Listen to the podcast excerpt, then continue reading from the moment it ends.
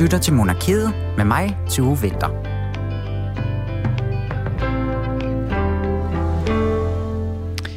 I Italien, der kommer Mussolini til magten. Der er en engelsk lord og hans ekspedition, der finder Tutankhamons grav, og så kommer både Anker Jørgensen og Paul Bundgaard til verden. Der er også et møde i den absolute kulturelle øh, kulturelite, om man vil bestående af Igor Stravinsky, Marcel Proust, Pablo Picasso, Erik Satie, James Joyce. De har en middag i Paris, som jeg måske tænker, man gerne vil være med til. Og hvad disse begivenheder så har til fælles, det er, at de alle sammen fandt sted for præcis 100 år siden. Og året 1922, det bliver altså omdrejningspunktet for den her udgave af Monarkiet, og det gør det, fordi at du, kære lytter, netop nu er vidne til program nummer 100 af det her program på Radio 4. I den anledning, der kigger vi så tilbage på, og vi tager temperaturen på, hvad der skete i det danske kongehus, og ser, hvad der ligesom rørte sig i det her herrens år 1922. Det gør vi selvfølgelig i vældig godt selskab, fordi at vi får en ganske særlig ven af programmet, nemlig historiker og øh, kongehusekspert Lars Hovbakke Sørensen på besøg, og det er jo altid en kæmpe fornøjelse. Man kunne så tro, at sådan et jubilæum som vores her fuldstændig kunne øh, rydde og dominere nyhedsstrømmen, som var det ellers vores regents 50-års jubilæum. Men der er altså andre ting, vi også lige må vende i dag, så vi skal blandt andet også en tur til Japan. Og til det, der skal vi bruge monarkiets bedre halvdel, Julie Lindhardt Højmark, der giver mig selskab i studiet om ganske få sekunder. Velkommen til den her jubilæumsudgave af monarkiet.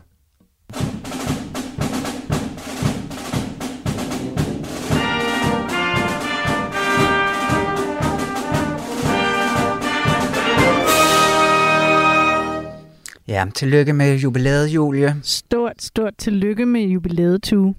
Det er da en milepæl, var? Altså, og sikke en af slagsen. Tænk engang at have sendt 100 programmer om monarkiet. Ja, ja det er men det er helt fantastisk. vildt, ikke?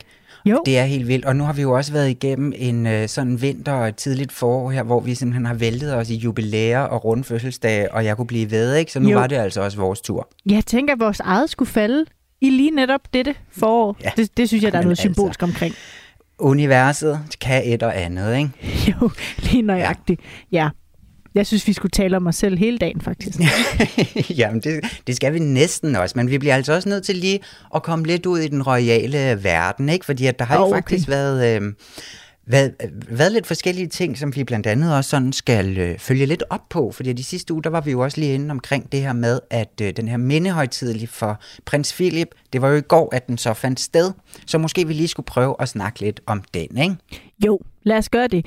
Altså i første omgang, så har det mest sådan bemærkelsesværdige ved den her mindehøjtidlighed vel været det faktum, at Europas kongelige fra ja, nær og fjern for første gang efter to år med corona skulle samles øh, til et arrangement, som minder om noget, vi har, har set før, og i den Ja. skala, vi normalt kender de her arrangementer i.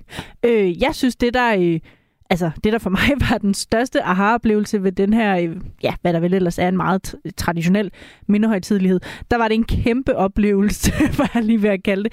Ja, kæmpe chok, må jeg, er måske det rigtige ord, at se, at Prince Andrew, persona non grata nummer et i det britiske kongehus, at han simpelthen valgte at troppe op.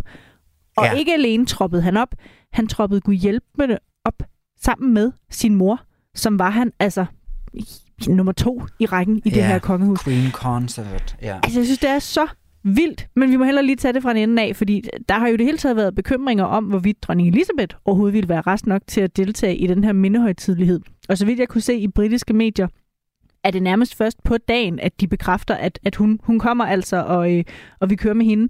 Øh, men altså, at hun skulle ankomme arm i arm med prins Andrew, der, øh, ja, der måtte jeg altså lige samle min kæbe op fra gulvet.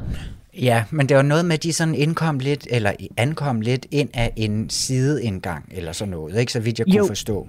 Præcis, hvor, de, Øhm. hvor de andre ligesom tog hovedindgangen, hvor pressen havde placeret sig, så sned de andre sig, øh, de to andre her sig ind. Øh, Ja. ja. som du siger, af en, af en anden entré. Og, og det er jo nok fordi, på den ene side, så må hun jo vide, dronning Elisabeth, at det ikke er helt godt, at prins Andrew, som officielt ikke længere er en del af det britiske kongehus, han har fået frataget sine titler, og har vi jo ellers fået øh, indtryk af, at han ikke længere kommer til at, at optræde som repræsentant for kongehuset. At hun så alligevel vælger at ankomme sammen med ham, og at det er ham, der sådan, ja, faktisk følger hende op til sin plads via kirkegulvet, altså hvor alle andre rejser sig op, det sender jo virkelig et signal om, at altså, ikke alene får han lov til at vise sig offentligt som en del af kongehuset, han gør det endda med mors velsignelse, og hun forsøger ikke engang rigtigt at lægge afstand til ham på nogen måde. Nej, og det er, altså, jeg, ja, det er, det er lidt, det er også svært. Nu tager jeg lige en anden hat på. Ja, prøv fordi, lige det. At det er, det er også svært. Vi kan alle sammen godt blive enige om, at det er nogle ret voldsomme øh, øh ting, han har lavet ham her. ikke. Men jo. det er jo også en mindehøjtidlighed for hans far. Ja, jamen altså, det har du ret i. Men det er netop ikke en privat mindehøjtidlighed, synes jeg. Det er jo, øh, altså den del er jo overstået begravelsen, som jo nok i høj grad på grund af corona blev meget privat. Der var han jo med og gik blandt sine søskende. Men det her, som på alle mulige måder er et, et mere klassisk offentligt arrangement, ja, der synes jeg altså, det er bizart, det... at han tropper op. Jamen, det, altså, det giver det også helt ret i. Jeg prøvede bare lige Nej, men, men rigtigt. Andet. Jo, hvis man vil, det er selvfølgelig hans far. Det er mere det her med, hvorfor i alverden er det lige ham? Af alle, man kunne vælge, hvorfor er det så ham, der sådan på den måde skal følge dronning Elisabeth ja. op til hendes plads? Hvorfor lister man ham ikke endnu mere ind af en, af en bagdør og lader ham være mm. der, uden at gøre alt muligt øh, raballer ud af det? Hvorfor skal han på den her måde ligesom bare... Øh, åh, kunne de dog ikke for alvor lægge seriøs afstand til ham, i stedet for det her chatpisseri, hvad jeg lige vil kalde det? Men der er også noget af det her med, at hun indkom, eller ankommer af en sideindgang eller en bagindgang, dronningen, ikke? At mm. det kunne måske også have noget at gøre med, at hun har været, altså der har været problemer med hendes mobilitet, er vist yeah. det, som de prøver at sige. Det kan jo være, at hun er blevet kørt lidt i en, øh, altså i en, i en kørestol, eller whatever. Men igen, det behøver måske ikke at være Andrew, der kørte den kørestol. Nej, det, altså hun er 95 øh, og, og har en, en, en stok og har dårlig helbred. Der er slet ikke noget at sige til, at, at hun skal øh, hjælpes, og det kunne hun måske passende være blevet af, hvad ved jeg, en af hendes fire andre børn. Øh, ja. ja, fordi det er bare lidt, det er virkelig kun øh, omkring en måned siden, at Prince Andrew han indgik det her for lige med den kvinde, der har anklaget ham for seksuelle overgreb, da hun kun var 17 år. Og det har jo så kostet øh, ham og måske de britiske øh, skattebetalere omkring 12 millioner pund. Det er det, der stadig er lidt uafklaret, hvor pengene egentlig kommer fra. I hvert fald ja. er der blevet indgået et forlig. Han er øh, ikke længere en del af det gode selskab, og så sniger han sig alligevel ind på den her måde. Ja, det er, og man vidste jo, altså, at det ville føre opmærksomhed, hverken, altså både hvis han var der og ikke var der og så videre, ikke? Så altså selvfølgelig, når han kommer, så skal det godt nok gøres gelente. Men samtidig var det jo også godt, at, at hele Europa på en eller anden måde kunne sige øh, et, et, et fint øh, vink med hatten, løft på hatten til øh, prins Philip, ikke? Jo. Hvis vi så lige tager det med. Det var jo en mindehøjtidlighed. Det var jo det, der burde være fokus på. Nemlig. Men, men altså som altid med sådan nogle ting her, så er det jo nogle gange dem, der dukker op, og i lige så høj grad dem, der ikke dukker op, der på en eller anden måde øh, løber med rampelyset. Altså, der er jo også Harry og Meghan, som så valgte ikke at deltage, som ligeledes har givet anledning til sådan nogle ja, spekulationer er det jo ikke, men det har i hvert fald også øh, fået en del opmærksomhed, fordi det handler om øh, hele den her sag, som Prince Harry lige nu har kørende med de britiske myndigheder, fordi han har i noget tid beklaget sig over, at han og hertugen Meghan ikke længere får øh, hvad hedder det, politibeskyttelse fra de britiske myndigheder, når de er i Storbritannien. Det er sådan en del af hele det her med, at de jo har, har trukket sig som ja. senior royals, øhm, at, at så er der ligesom også, øh, så er pengekassen også lukket i. Men han har så selv tilbudt at betale for det, så de blandt andet kunne have mulighed for at deltage i arrangementer som de her. Øhm, men altså, der, der forlyder det så, at, at man ligesom har vurderet, at det ikke er sikkert for familien, hvis det er et privat selskab frem for det britiske politi, der skal garantere for sikkerheden. Og ja, og så, så derfor ville han jo så betale de britiske myndigheder for det. Men der har en domstol så meldt ud, at det kan man ikke. Man kan ikke betale sig fra ydelser fra det offentlige politi, så derfor så er den eneste løsning ligesom at finde en eller anden form for privat sikkerhedsløsning. Mm. Øhm, og fordi det så ikke er sikkert nok, jamen så må de så blive væk. Ja, så ja. nu er den ligesom landet der indtil videre, før man finder ud af, hvad man stiller op, når de skal på besøg. Præcis. Ja. Ja. Jamen, det er faktisk også vildt nok, at, at efter sine, at det så er sådan nogle, øhm, øh, som kalder det formaliteter, ikke? Som jo. skal afgøre den slags. Ja, det der er, det der er ærgerligt i hvert fald. Øhm, ja. Hvad det er for en konkret trussel, der er mod ham og hans familie, ved vi jo ikke noget om, men han må jo føle sig så øhm, usikker, at øh, medmindre der kan være en total garanti for deres sikkerhed, så dukker de simpelthen ikke op. Det er jo også Nej. med et andet form for stærkt signal at sende, så øh, det har været en signalernes mindehøjtidlighed, synes jeg. Ja, ja, vildt nok. Og igen, altså, ja, det er meget, øhm, hvad hedder så noget, Det er ikke meget, jeg sådan har læst om, om selve højtidligheden sådan set. Nej, det er de netop. to vinkler, ikke? Jo. Der ligesom har taget, øh, taget al opmærksomheden, eller meget af den i hvert fald. Jo, måske også fordi resten af forløbet fuldstændig, som man ville forestille sig. Prins Philip, han blev æret, han blev hyldet for den store indsats, han har ydet øh, i sin 99 år, især jo de nogle af 70, hvor han var gift med, med dronningen. Så øh, Ja. lige på det punkt var der nok ikke noget sådan overraskende i vente. Nej, men derfor så, så kan jeg du jo godt lide, når tingene er, som de plejer. Ja, men det er også rigtigt. Ja. Skal vi så ikke hellere snakke om et arrangement herhjemmefra, som jeg ved, du er ualmindelig begejstret for? Jo, er jeg glad for, at vi skal videre til det. Fordi at på en helt anden note, ikke, så var det jo også i søndags, at vi så et øh, vidunderligt arrangement inden fra Amalienborg, da de her fire palæer danser, Ja. som, det, som det hed så, ikke? Ja, jeg ved ikke, Julie, jeg fik på en eller anden måde øh, vækket min store kærlighed til øh, kongehuset igen. Hvis Ikke, at nogensinde den, har været væk. Jeg skulle lige til at sige, at jeg tror aldrig, den har været væk. Nej, men jeg blev opmærksom på, og netop måske lidt i tråd med det der med, jamen hvorfor kan vi ikke bare lige fokusere på den her mindehøjtidlighed, så var det sådan, lad os lige prøve at fokusere på det her med, at vi ligesom gør noget, der mm. ikke sådan er øh, nyhedsagtigt, eller skal spændes på, eller altså det her, sådan, det her, sådan en ren begivenhed af øh, sådan øh, nogle af samfundets topper, der simpelthen er inviteret til et dansearrangement inde, inde på Amalienborg, og hvor at vi som sådan menige kan få lov til at være lidt med på sidelinjen. Ja. Jeg elsker det. Jamen, det ved jeg, du gør. Et klart også- skil i klasse. det elsker jeg bare. Jamen, der skal Ej. du jo huske, at vi blev belært om, at billet er for alle. Det er øh, ingen ja. skrøne, at det kun er noget for dem, der har særlig forstand på det. Det er bare at læne sig tilbage og nyde det, så er ballet noget for alle.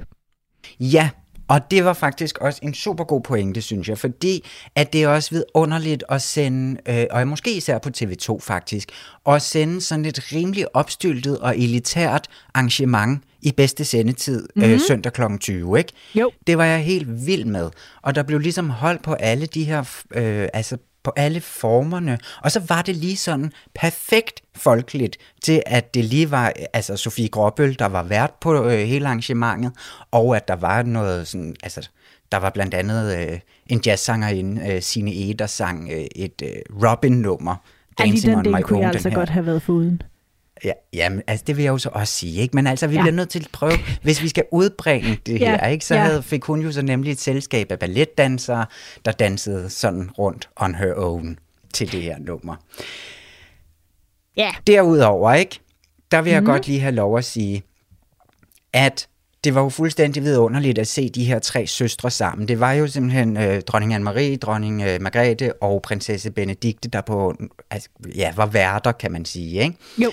Øhm, og hvor især Benedikte har været med ind over sådan produktionen af hele det her arrangement, eller i hvert fald mm. tilblivelsen af det. Ikke? Hun var meget betaget af produktionen, sådan et tv øh, arrangement. Det gjorde hun meget opmærksom på, det var også helt vidunderligt. Ja. Men at se de tre sammen på den der måde, hvor de sidder og snakker lidt øh, på stolerækkerne der, og øh, man ser dem i forskellige interviews, der handler om deres barndom og alt det her. Jeg synes simpelthen, at de tre kvinder, hvornår kommer The Movie, danserne? altså, palæerne Altså, du vil danser. bare se de tre søstre sidde og give den gas. Jeg vil simpelthen se de tre søstre sidde og give en gas, og jeg vil se det uh, over otte afsnit af en times varighed, hvor de tre snakker om hinanden, og med ja. hinanden, og altså, ja. Jeg altså- ved ikke, jeg blev så glad. Jeg tænker, at nu er vi nået op på 100 øh, afsnit, af, afsnit øh, 100 programmer af monarkiet, så må ikke også du kan få øh, 8 gange 60 timer af det andet. Det tænker jeg nok skal kunne lade sig gøre. Jo, ej, men det håber jeg. Det var i hvert fald, jeg var meget betaget, og jeg sad og lavede noget keramik imens, og alt var bare helt vidunderligt. Så Ja. jeg, var, jeg var rigtig glad søndag aften. Jamen, det var, Det, var, øh, det vil jeg bare lige sige. Jamen, det og man kan altså dejligt. se de her øh, balletfilm stadigvæk inde på TV2 Play, hvis man har adgang til det. Yes. Ja, men Julie, nu skal vi altså videre.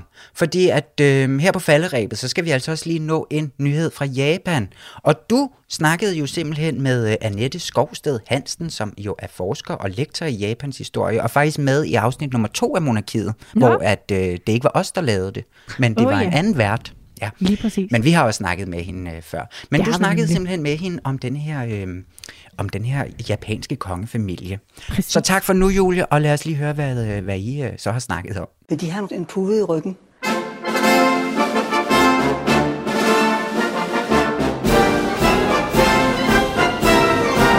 Hvis de vil, så har jeg sagtens lånt dem en pude. Og det vil jeg vældig gerne have. Øh, hvor er mine møbler blevet? Nej. Jeg Men tror, deres majestæt er meget nødt til at sidde på en pude. Hvis jamen, det er bestemt ikke Og det er til ryggen, vi jeg tænker. simpelthen for... Åh, tusind tak. Jeg synes, det kunne, jeg kunne se, at de følte dem lidt langt tilbage. Det er rigtigt nok, øh, men jeg troede, jeg skulle sidde på en pude. Det nej, jeg nej, nej, nej, nej, nej, nej.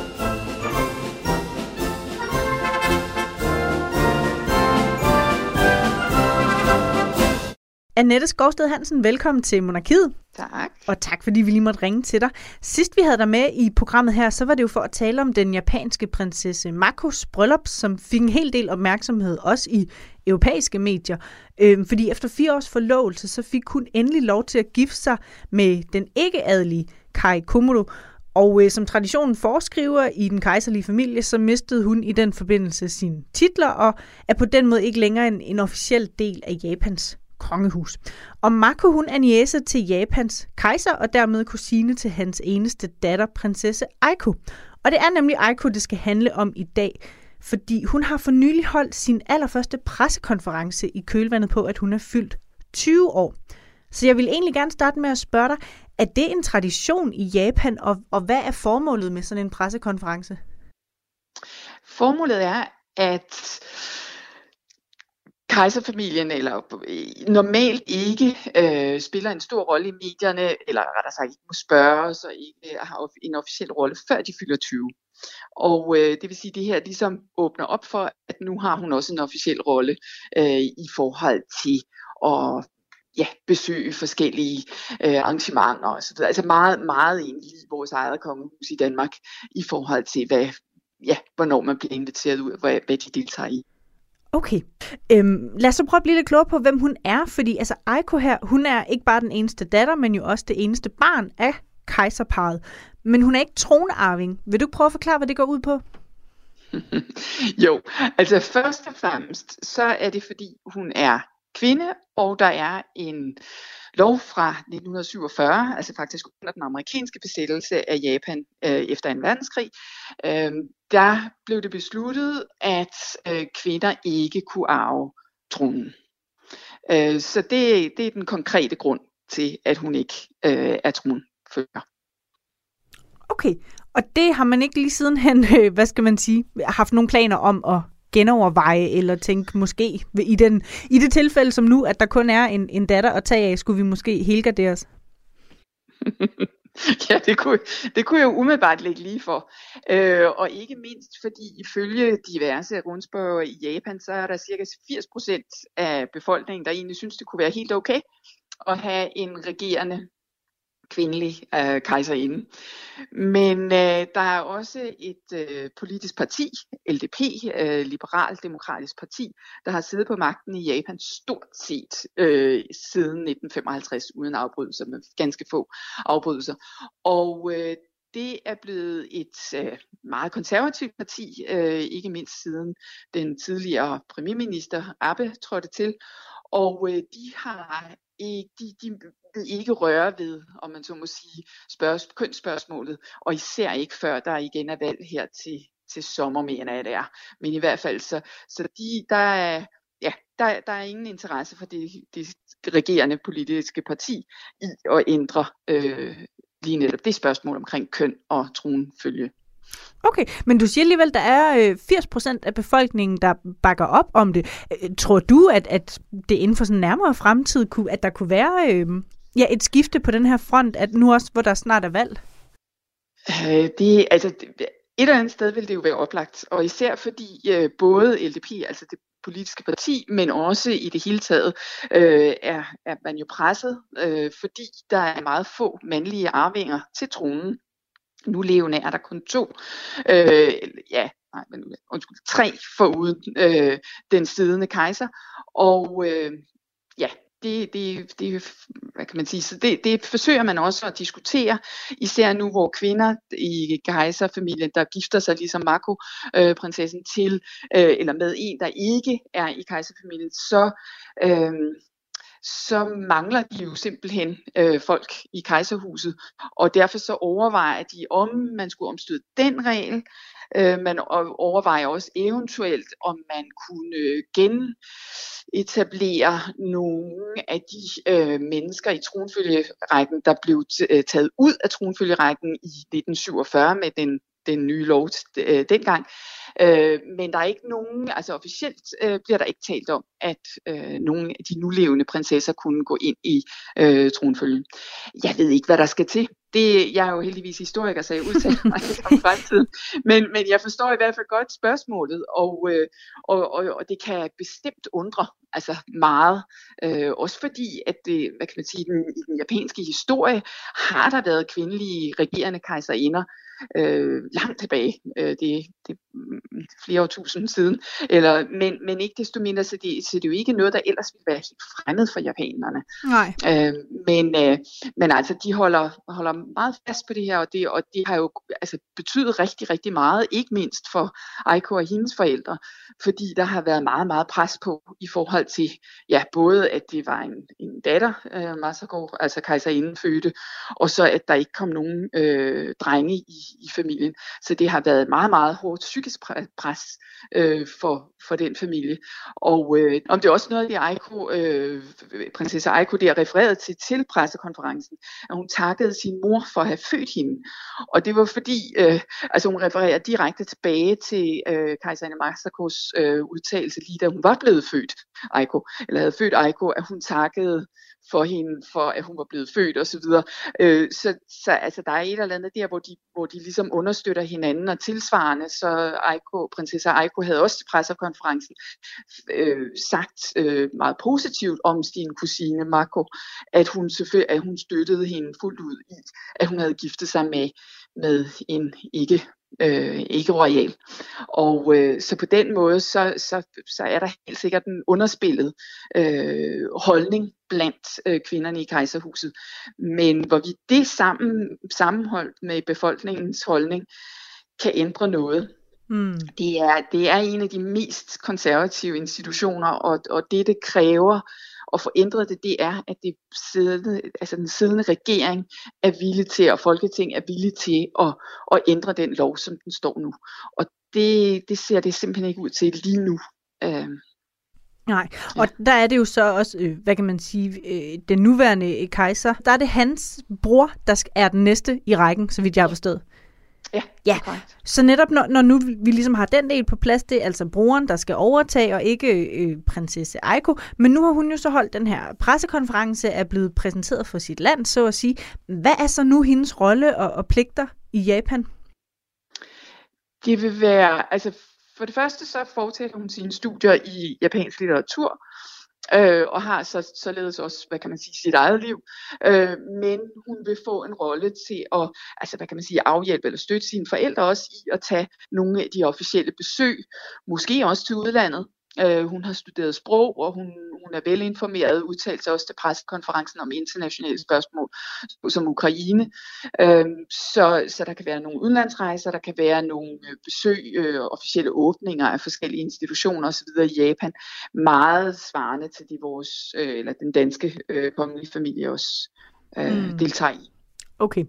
Øhm, men, men er der alligevel, selvom hun ikke er, er tronarving, men som eneste barn af det nuværende kejserpar, er der så nogle begrænsninger i forhold til, hvilke valg hun kan træffe? Kan hun for eksempel, ligesom sin kusine Marco, vælge at blive øh, borgerlig gift, eller har hun der nogle andre begrænsninger? Det, altså officielt, så vil hun jo kunne øh, gøre det samme.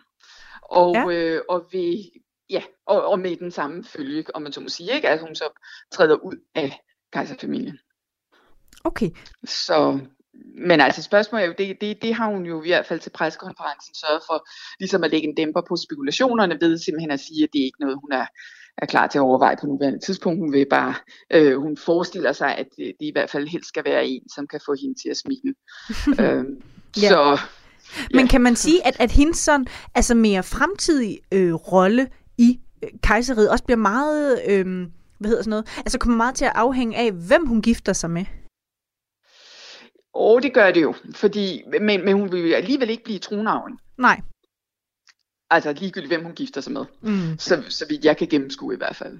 Men om hun kan blive øh, der eller altså, ej, og hvilken rolle hun skal spille og sådan?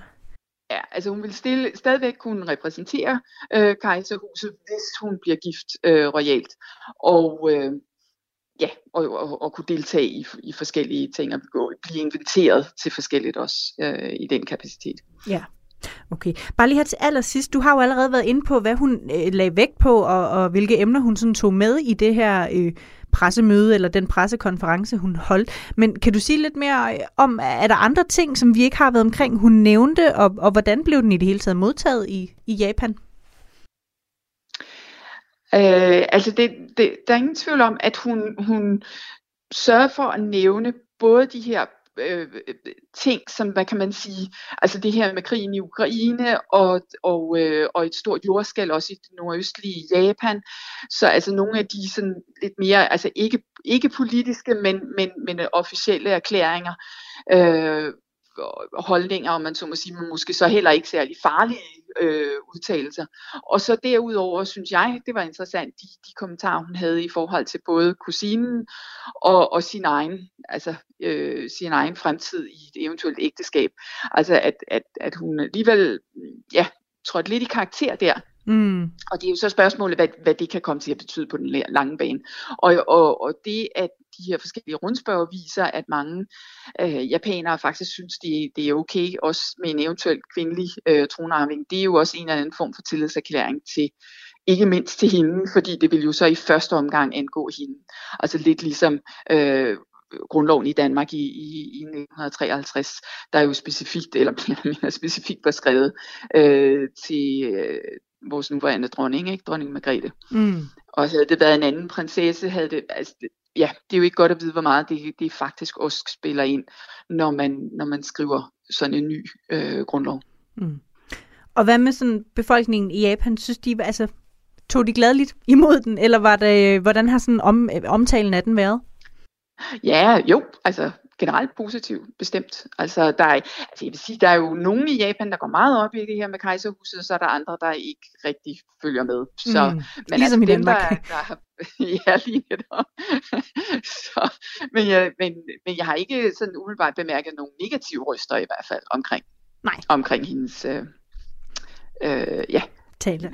Så som udgangspunkt er hun øh, kommet godt fra start, kan vi måske konkludere. Ja, det vil jeg sige. Det er det, godt at det høre. Mener jeg. Jamen ja. tak for det, Annette Skovsted Hansen, og du er forsker og lektor i uh, Japans historie ved Aarhus Universitet. Tak fordi du lige vil gøre os lidt klogere på den seneste nyhed fra uh, kejseriet i Japan. Efter at kongen i statsrådet havde givet sin officielle godkendelse af forlovelsen, og Grev Henri derefter var blevet præsenteret for ministerne, fik pressen lejlighed til at fotografere de forlovede i audienssalen sammen med kongen og regeringens medlemmer med statsministeren i spidsen. Og der blev taget billeder i tusindvis.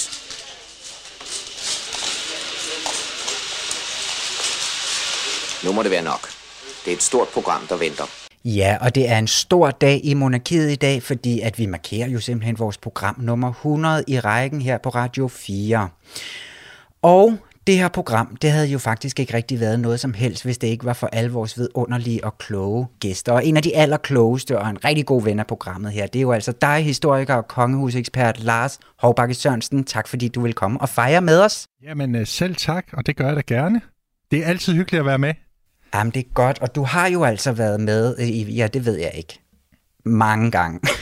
jeg har heller ikke talt på det, men uh, det er en del gange. Så det, det ja, er du har, øh, du har jo hjulpet os trygt og sikkert igennem et utal af sådan historiske perioder og emner og problemstillinger og personer inden for den kongelige verden. Så det er helt perfekt, at du er med i dag til at kigge 100 år tilbage i tiden her, ikke? Ja. Fordi vi skal jo tilbage til 1922 i, øh, i dag. Og jeg synes lige, inden vi sådan prøver at tage rigtig fat i kongefamilien, kan vi så måske lige prøve at sætte en eller anden scene her. Altså sådan, hvad, hvad præger sådan det, det danske samfund i 1922 i den her periode i hvert fald? Jamen det gør, at øh, vi har et øh, demokrati, der er ret nyt og ungt, øh, og hvor øh, der jo er sket en, øh, en kæmpe forandring i og med, at kongerne har mistet øh, deres politiske magt. Det gjorde de i 1901 med systemskiftet. Der mistede de den sidste rest af, af den politiske magt. Og så prøvede Christian 10. at tage noget af magten tilbage i forbindelse med, da han så pludselig i 1920 øh, under øh, det vi kalder påskekrisen, øh, afskedige en regering og udnævnte en anden regering, som øh, ikke svarede til, hvad Folketinget flere, Folketingets flertal ønskede. Så der gik han øh, sådan et skridt væk fra, fra demokratiet igen, men der blev en frygtelig ballade, han måtte øh, give sig i løbet af nogle ganske få øh, dage og, og bringe orden i, i tingene igen. Men det er sådan en brydningstid med, med hensyn til demokrati, hvor man er ved at etablere det, og det gælder også i en masse andre europæiske lande. Og så er det også en tid, der ja. er præget af, at vi lige har haft Første Verdenskrig, en masse konflikter og øh, øh, en masse politiske og sociale og økonomiske øh, sprængfyldte modsætninger i en række øh, europæiske lande, og så den her store krig, som, som varede fire år fra 1914 til 1918, og så også den russiske revolution øh, i 1917. Så der er en hel masse forskellige sådan, omvæltninger i samfundet på det her tidspunkt. Ja, og også sådan meget måske, eller måske mere ude i Europa på en eller anden måde, end det sådan er i vores egen lille andedam, sådan på den sådan store politiske skala her inden 2. verdenskrig, ikke? Jo, det er der, men man kan sige, at i Danmark, der reagerer man jo hele tiden på det, man ser, der sker ude omkring i Europa. Og noget af det, der gør, at Christian 10. for eksempel bliver meget forskrækket over, over den reaktion, der, der kommer på påskekrisen, hvor folk begynder at gå i protest i gaderne og råbe ned med kongen osv. Noget af det, der gør, at han så hurtigt skynder sig at omgøre sin beslutning, det er jo netop, at at han jo kan se, hvad der er sket i Rusland tre år tidligere, hvor hele Tsar-familien er blevet henrettet, øh, og man har indført en, en, en republik øh, i stedet for. Så på den måde er Danmarks historie jo hele tiden påvirket af den europæiske øh, historie, og de ting, der sker aktuelt også på det her tidspunkt, er jo påvirket af det. Og så kan man sige, så tit så er der nogle advarselslamper, der begynder at blinke, øh, når man sidder i Danmark og ser, hvad der sker ude omkring i resten af Europa, sådan så man når at afværge, at det ikke bliver lige så voldsomt i Danmark, som man har set, det her er blevet andre steder. Men så er der mm. også generelt det, at Danmark allerede på det her tidspunkt, ligesom det jo er i dag, er et samfund, hvor der er trods alt mere lighed mellem folk, end der er i mange af de store europæiske lande, hvor der var meget større økonomiske og politiske og sociale modsætninger. Der var meget større forskel på rig og fattig allerede dengang øh, i, i mange andre lande, end der, end der var i Danmark.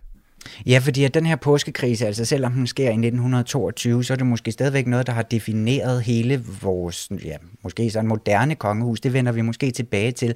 Men de her mennesker, der er øh, modstandere af kongehuset, eller i hvert fald er med til at protestere mod øh, kongefamilien og kongen på, altså i 1920, hvad er det for nogle samfundsgrupper? Kan, er, Ja, men er de det er, delt ind? Ja, men det er specielt arbejderne. Øh, det er dem, der stemmer på Socialdemokraterne, som jo blev dannet som parti i, i 1871 og langsomt er vokset i, i de efterfølgende årtier, øh, så flere og flere øh, stemmer på dem. Øh, ja. Øh, men dem, der også går ind for demokratiet, det er selvfølgelig også øh, venstrefolkene, altså øh, gårdmændene, øh, gårdmandsfamilierne, som man kaldte dem, altså bondefamilierne, landmandsfamilierne, hvad man nu vil kalde dem i dag. Øh, fordi Venstre har absolut flertal i, i Folketinget i, i de første år øh, efter systemskiftet i 1901. Og det er også de radikale, som bryder ud fra Venstre i 1905. Det parti, som jo mange husmænd stemmer på. Så alle de der grupper, der ikke er de rigeste og de mest, øh, øh, ja, dem der sidder i toppen af samfundskagen, øh, bønderne, arbejderne, husmændene osv., de er jo alle sammen øh, store tilhængere af, af demokratiet, og at man har fået, og at man har fået parlamentarismen. Og det er dem, som kongen går op imod, da han der i 1920 så afskediger øh, en radikal statsminister, en radikal øh, øh konsejpræsident, som han hed indtil 1918, og så derefter statsminister Sale, som har siddet på magten siden 1900, 1913. Så kongen han holder sammen med, kan man sige, øh, overklassen, øh, borgerskabet i København, øh, militæret og øh, og godsejer, øh, godsejergruppen øh, der. Så, så mm. det, det, det, det som, øh, som er en grundlæggende konflikt på det her tidspunkt, og det er vi jo ikke så vant til at tænke på på den måde, fordi vi er jo vant til at tænke på, at der er de borgerlige partier mod Socialdemokraterne og de socialistiske partier, men dengang der var Socialdemokraterne og Venstre og de radikale faktisk meget enige om mange ting, blandt andet det her med at stå på demokratiet, og at man skulle øh, få demokratiseret hele samfundet, få lært folk øh, noget mere, få givet dem noget mere uddannelse og alle sådan nogle ting der, hvor de konservative mere sådan kæmpede for, at dem, der var født med nogle privilegier, de skulle have lov til at beholde de sidste rester af dem. Så for eksempel i 1922, hvis vi så springer op til det år, ikke, så er der gået to år siden den her krise, at det, øh, hvad har det betydet for kongefamilien? Eller Jamen, det har jo virkelig betydet meget. 1920 er et afgørende vendepunkt i hele kongehusets øh, historie, kan man sige, og derfor er det meget, meget relevant at se på det netop i dag, fordi man kan sige, at med 1920, der erkender Christian den 10. endegyldigt, at de tider, hvor kongen har noget at skulle have sagt, hvor han er med til at bestemme, hvor det er ham, der regerer landet, de er over. og de vil aldrig komme tilbage igen formentlig. Det er det, mm. han erkender efter den reaktion, han ser på, på påskekrisen, øh, på at han har afskedet den her demokratisk valgte regering. Og det betyder jo så, at, at det kongerne har lavet de foregående øh, 1400 år, siden vi har den første danske konge nævnt, Danerkongen. Ja. Øh, Kong Hugleik er nævnt i kilderne i år 515, det er den første, vi kender navnet på. Det, der har været rollen for dem i 1400 år, nemlig at bestemme og regere landet, den rolle er fuldstændig væk. Og så skal man jo finde på noget nyt at lave, øh, hvis man ikke vil helt afsættes og med tiden blive fuldstændig overflødig. Og det er jo så det, som Christian 10. og dronning Alexandrine aktivt begynder at arbejde på i den sidste del af Christian 10. regeringstid, fordi hvis de skal have en, en ny rolle, så skal de jo selv definere den.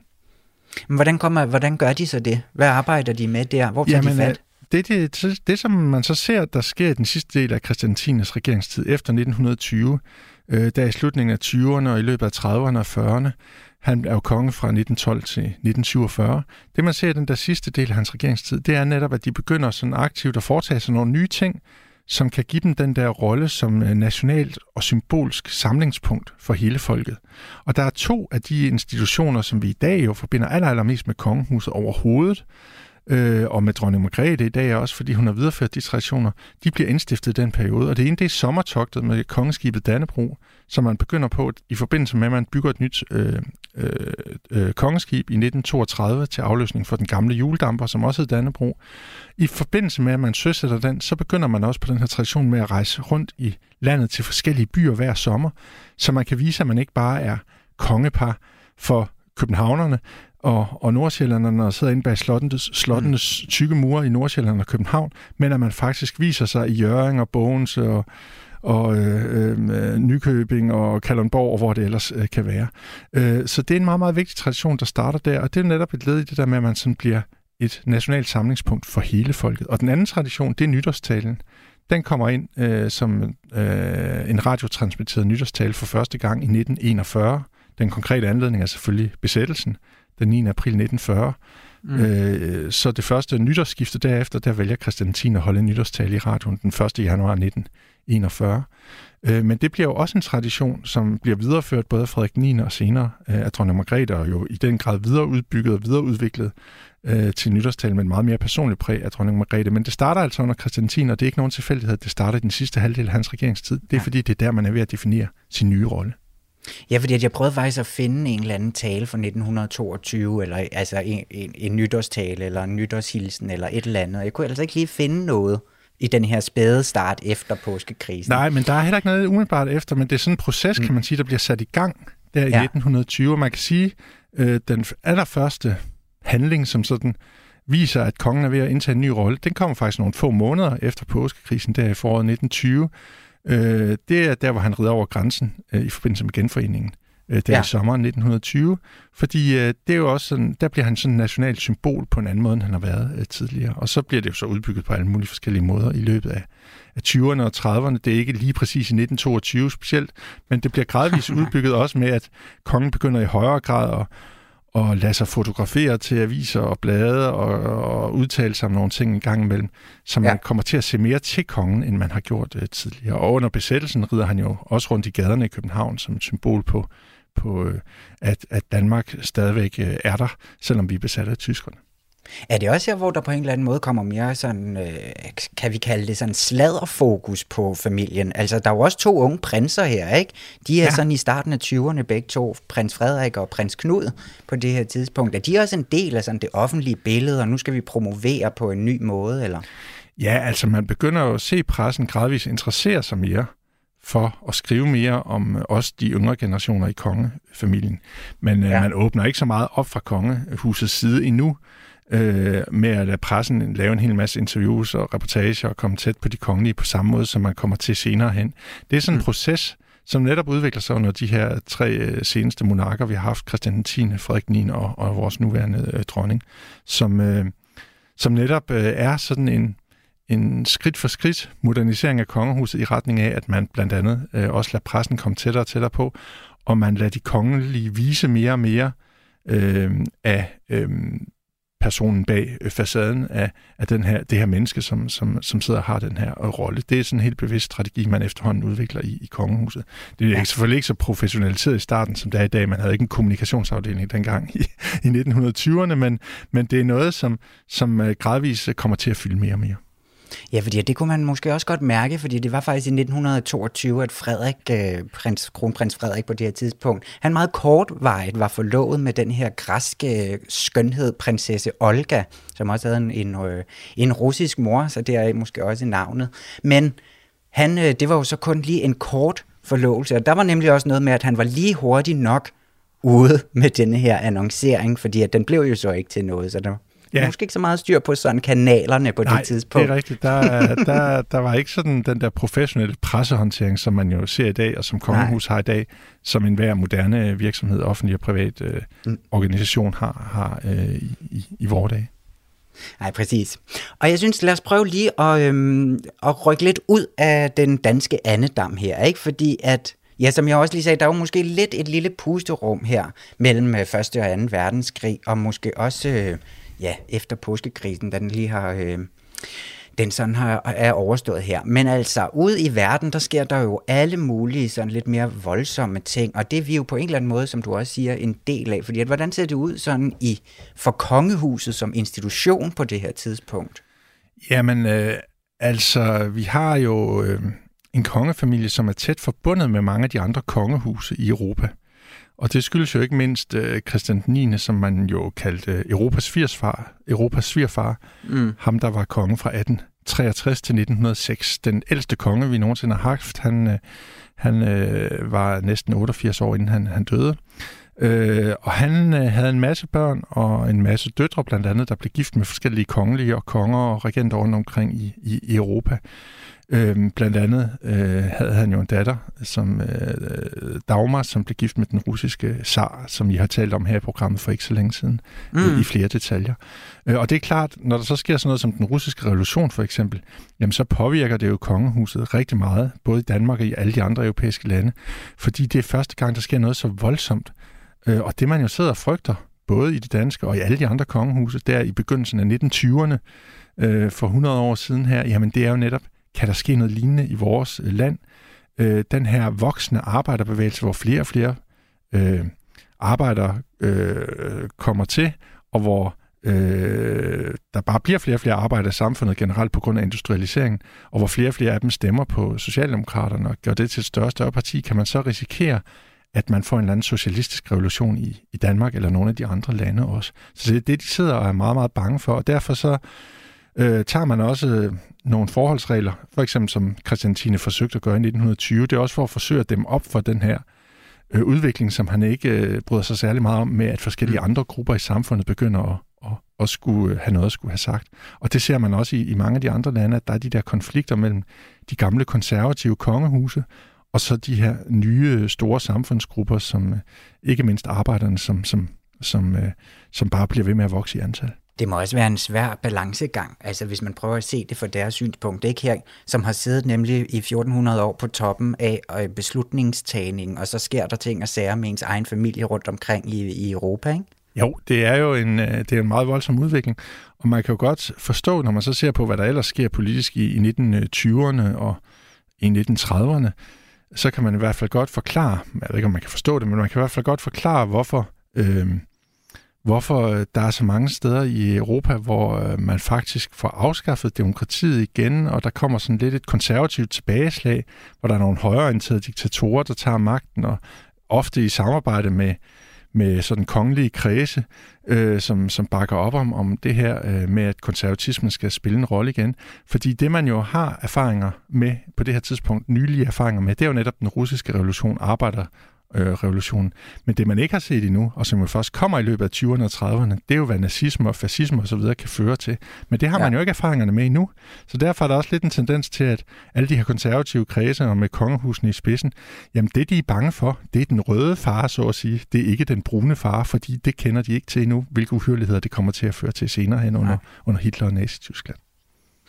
Var der nogen, altså nu øh, i forbindelse med den her revolution i Rusland, var der nogen, der altså lige frem var sådan øhm, i Danmark sure over, at man at Dagmar vendte hjem? Altså for eksempel fordi, at man sådan havde det institutionen sådan. Ja, man kan sige, at Socialdemokratiet var jo generelt på det her tidspunkt meget mere revolutionært orienteret, end, øh, end det var øh, senere hen. Der sker jo sådan en splittelse af arbejderbevægelsen i 1920, da man får dannet DKP, Danmarks Kommunistiske Parti. Og der skaller meget af mange af de revolutionære kræfter af. Så det er jo sket her i 1922, at man har fået delt det ind i Socialdemokratiet og, og, og Kommunistpartiet, eller DKP. Øh, men der er helt klart store dele af arbejderbevægelsen, som er meget, meget skeptiske og øh, lidt hadefulde nærmest overfor, kan man roligt sige, overfor kongehuset. Og alt, hvad det symboliserer, det symboliserer jo netop alt, hvad der hedder nedarvede privilegier. Øh, at man ikke bare selv kæmper sig frem, øh, men at man netop bare har en eller anden position, fordi man kommer fra en bestemt familie. Så der er ja. mange, både socialdemokrater og kommunister, men for den sags skyld også radikale og venstrefolk på det her tidspunkt, der sådan er rimelig skeptiske over for i hvert fald øh, overklassen og godsejerklassen. Måske ikke så mange venstrefolk, der til stedet hader kongehuset, men øh, man har den her fælles front af de demokratisk sindede kræfter, som, som er imod alt det her med, at man bare kan arve sig til tingene. Øh, og det er jo den konflikt, som, som man forsøger at håndtere ved så øh, at lave det der modtræk, som man gør i Danmark, blandt andet med at forsøge at så blive mere folkeligt og, og blive det her nationale samlingspunkt, når der nu ikke er udsigt til, at man kan bevare den politiske magt. Ja, der er vel også på det her tidspunkt et rimelig stærkt øh, forhold heroppe i Norden, eller i Skandinavien i hvert fald, sådan mellem Danmark og Norge. Det er norsk, hvordan er det? Det er den norske kong Håkon, der jo sådan set er født som dansk prins ja, også på det her det er tidspunkt. Jo rigtigt. Ikke? Så der er jo nogle personlige bånd, altså som er meget stærke mellem de skandinaviske øh, kongehuse, fordi da Norge bliver selvstændig fra Sverige i 1905, de har jo været en, øh, i en union med Sverige fra 1814 til 1905, og før det tidspunkt var de cirka 400 år øh, under, under øh, de danske konger. Øh, men fra 1814, øh, hvor de i forbindelse med Napoleonskrigene kommer, kommer under Sverige i stedet for, i sådan en, løs, en løsere union, det der hedder en personalunion, øh, hvor man kun har udenrigspolitik, når Øh, og kongen til fælles. Fra 1814 og så til 1905, der er der jo en sådan øh, voksende nationalisme i Norge, hvor man gerne vil løsrives fra Sverige. Og det lykkedes så i 1905, øh, hvor man jo så holder en folkeafstemning om det i Norge, hvor der er øh, 200-300.000, et eller andet 268.000, tror jeg det er, øh, som stemmer for løsrivelse fra Sverige. Øh, og det øh, lyder jo ikke så meget, men når man så ser på, hvor mange der stemmer imod, så er der altså 184 nordmænd, altså ikke 184.000, men 184 nordmænd i alt i hele Norge, der stemmer imod. Så det er ja. en af de klareste folkeafstemningsresultater, vi nogensinde har haft i noget land, bortset fra, ja, hvis man ser på diktator, øh, diktaturstater, hvor der selvfølgelig er 100% der stemmer øh, for ja. det ene eller det andet. Men altså en rigtig demokratisk afstemning, der var det et meget markant resultat. Og i den situation, der vil nordmændene jo så gerne have den danske prins øh, Karl op og blive, øh, blive øh, konge i, øh, i Norge, altså Christian, den senere Christiantines bror. Øh, og han kræver også, at de skal stemme om, øh, om de vil have ham eller ej, før han siger ja til det, og det gør de så også, holder en, en afstemning om det, hvor de så godkender, at de gerne vil have ham som konge. Så det vil sige, da vi er fremme i under 1. verdenskrig, og også øh, i 1920'erne, øh, ja, og langt frem i tiden, jamen der har vi faktisk en dansk konge, Christian den øh, 10., hvis bror faktisk er konge i Norge under navnet Håkon den 7. Og han bliver ved med at sidde der helt frem til øh, 1957, så det er jo langt, langt op i tiden, at vi har det der slægtskab, øh, meget, meget tæt slægtskab mellem det danske og det norske kongehus. Ja, så kan man i, øh, i sandhed snakke om et broderfolk, ikke? Jo, bogstaveligt talt, det er du fuldstændig ja. ret i. Og det er jo noget, som, som får betydning selvfølgelig også for, at de samarbejder meget under Første Verdenskrig. Man holder tre kongermøder, som man kalder det. De tre skandinaviske konger mødes to gange, under 1. verdenskrig, i 1914 og 1917. Der er ikke nogen af de skandinaviske lande, der er med i 1. verdenskrig. Vi er alle tre neutrale, men som symbol på det nordiske sammenhold, øh, på det skandinaviske sammenhold, og på, at vi handler meget med hinanden og, og prøver at koordinere udenrigspolitikken, så vi ikke bliver viklet ind i krigen, så mødes de her tre konger, de tre høje konger, som man kalder dem, ja. de er jo meget høje alle tre, nemlig.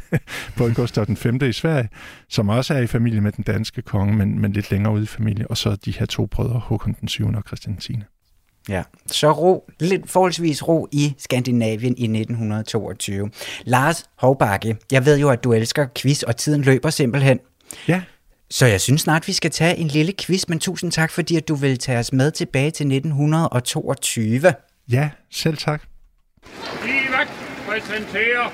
Ja. Så gælder det om at vise, hvor dygtige I kan blive.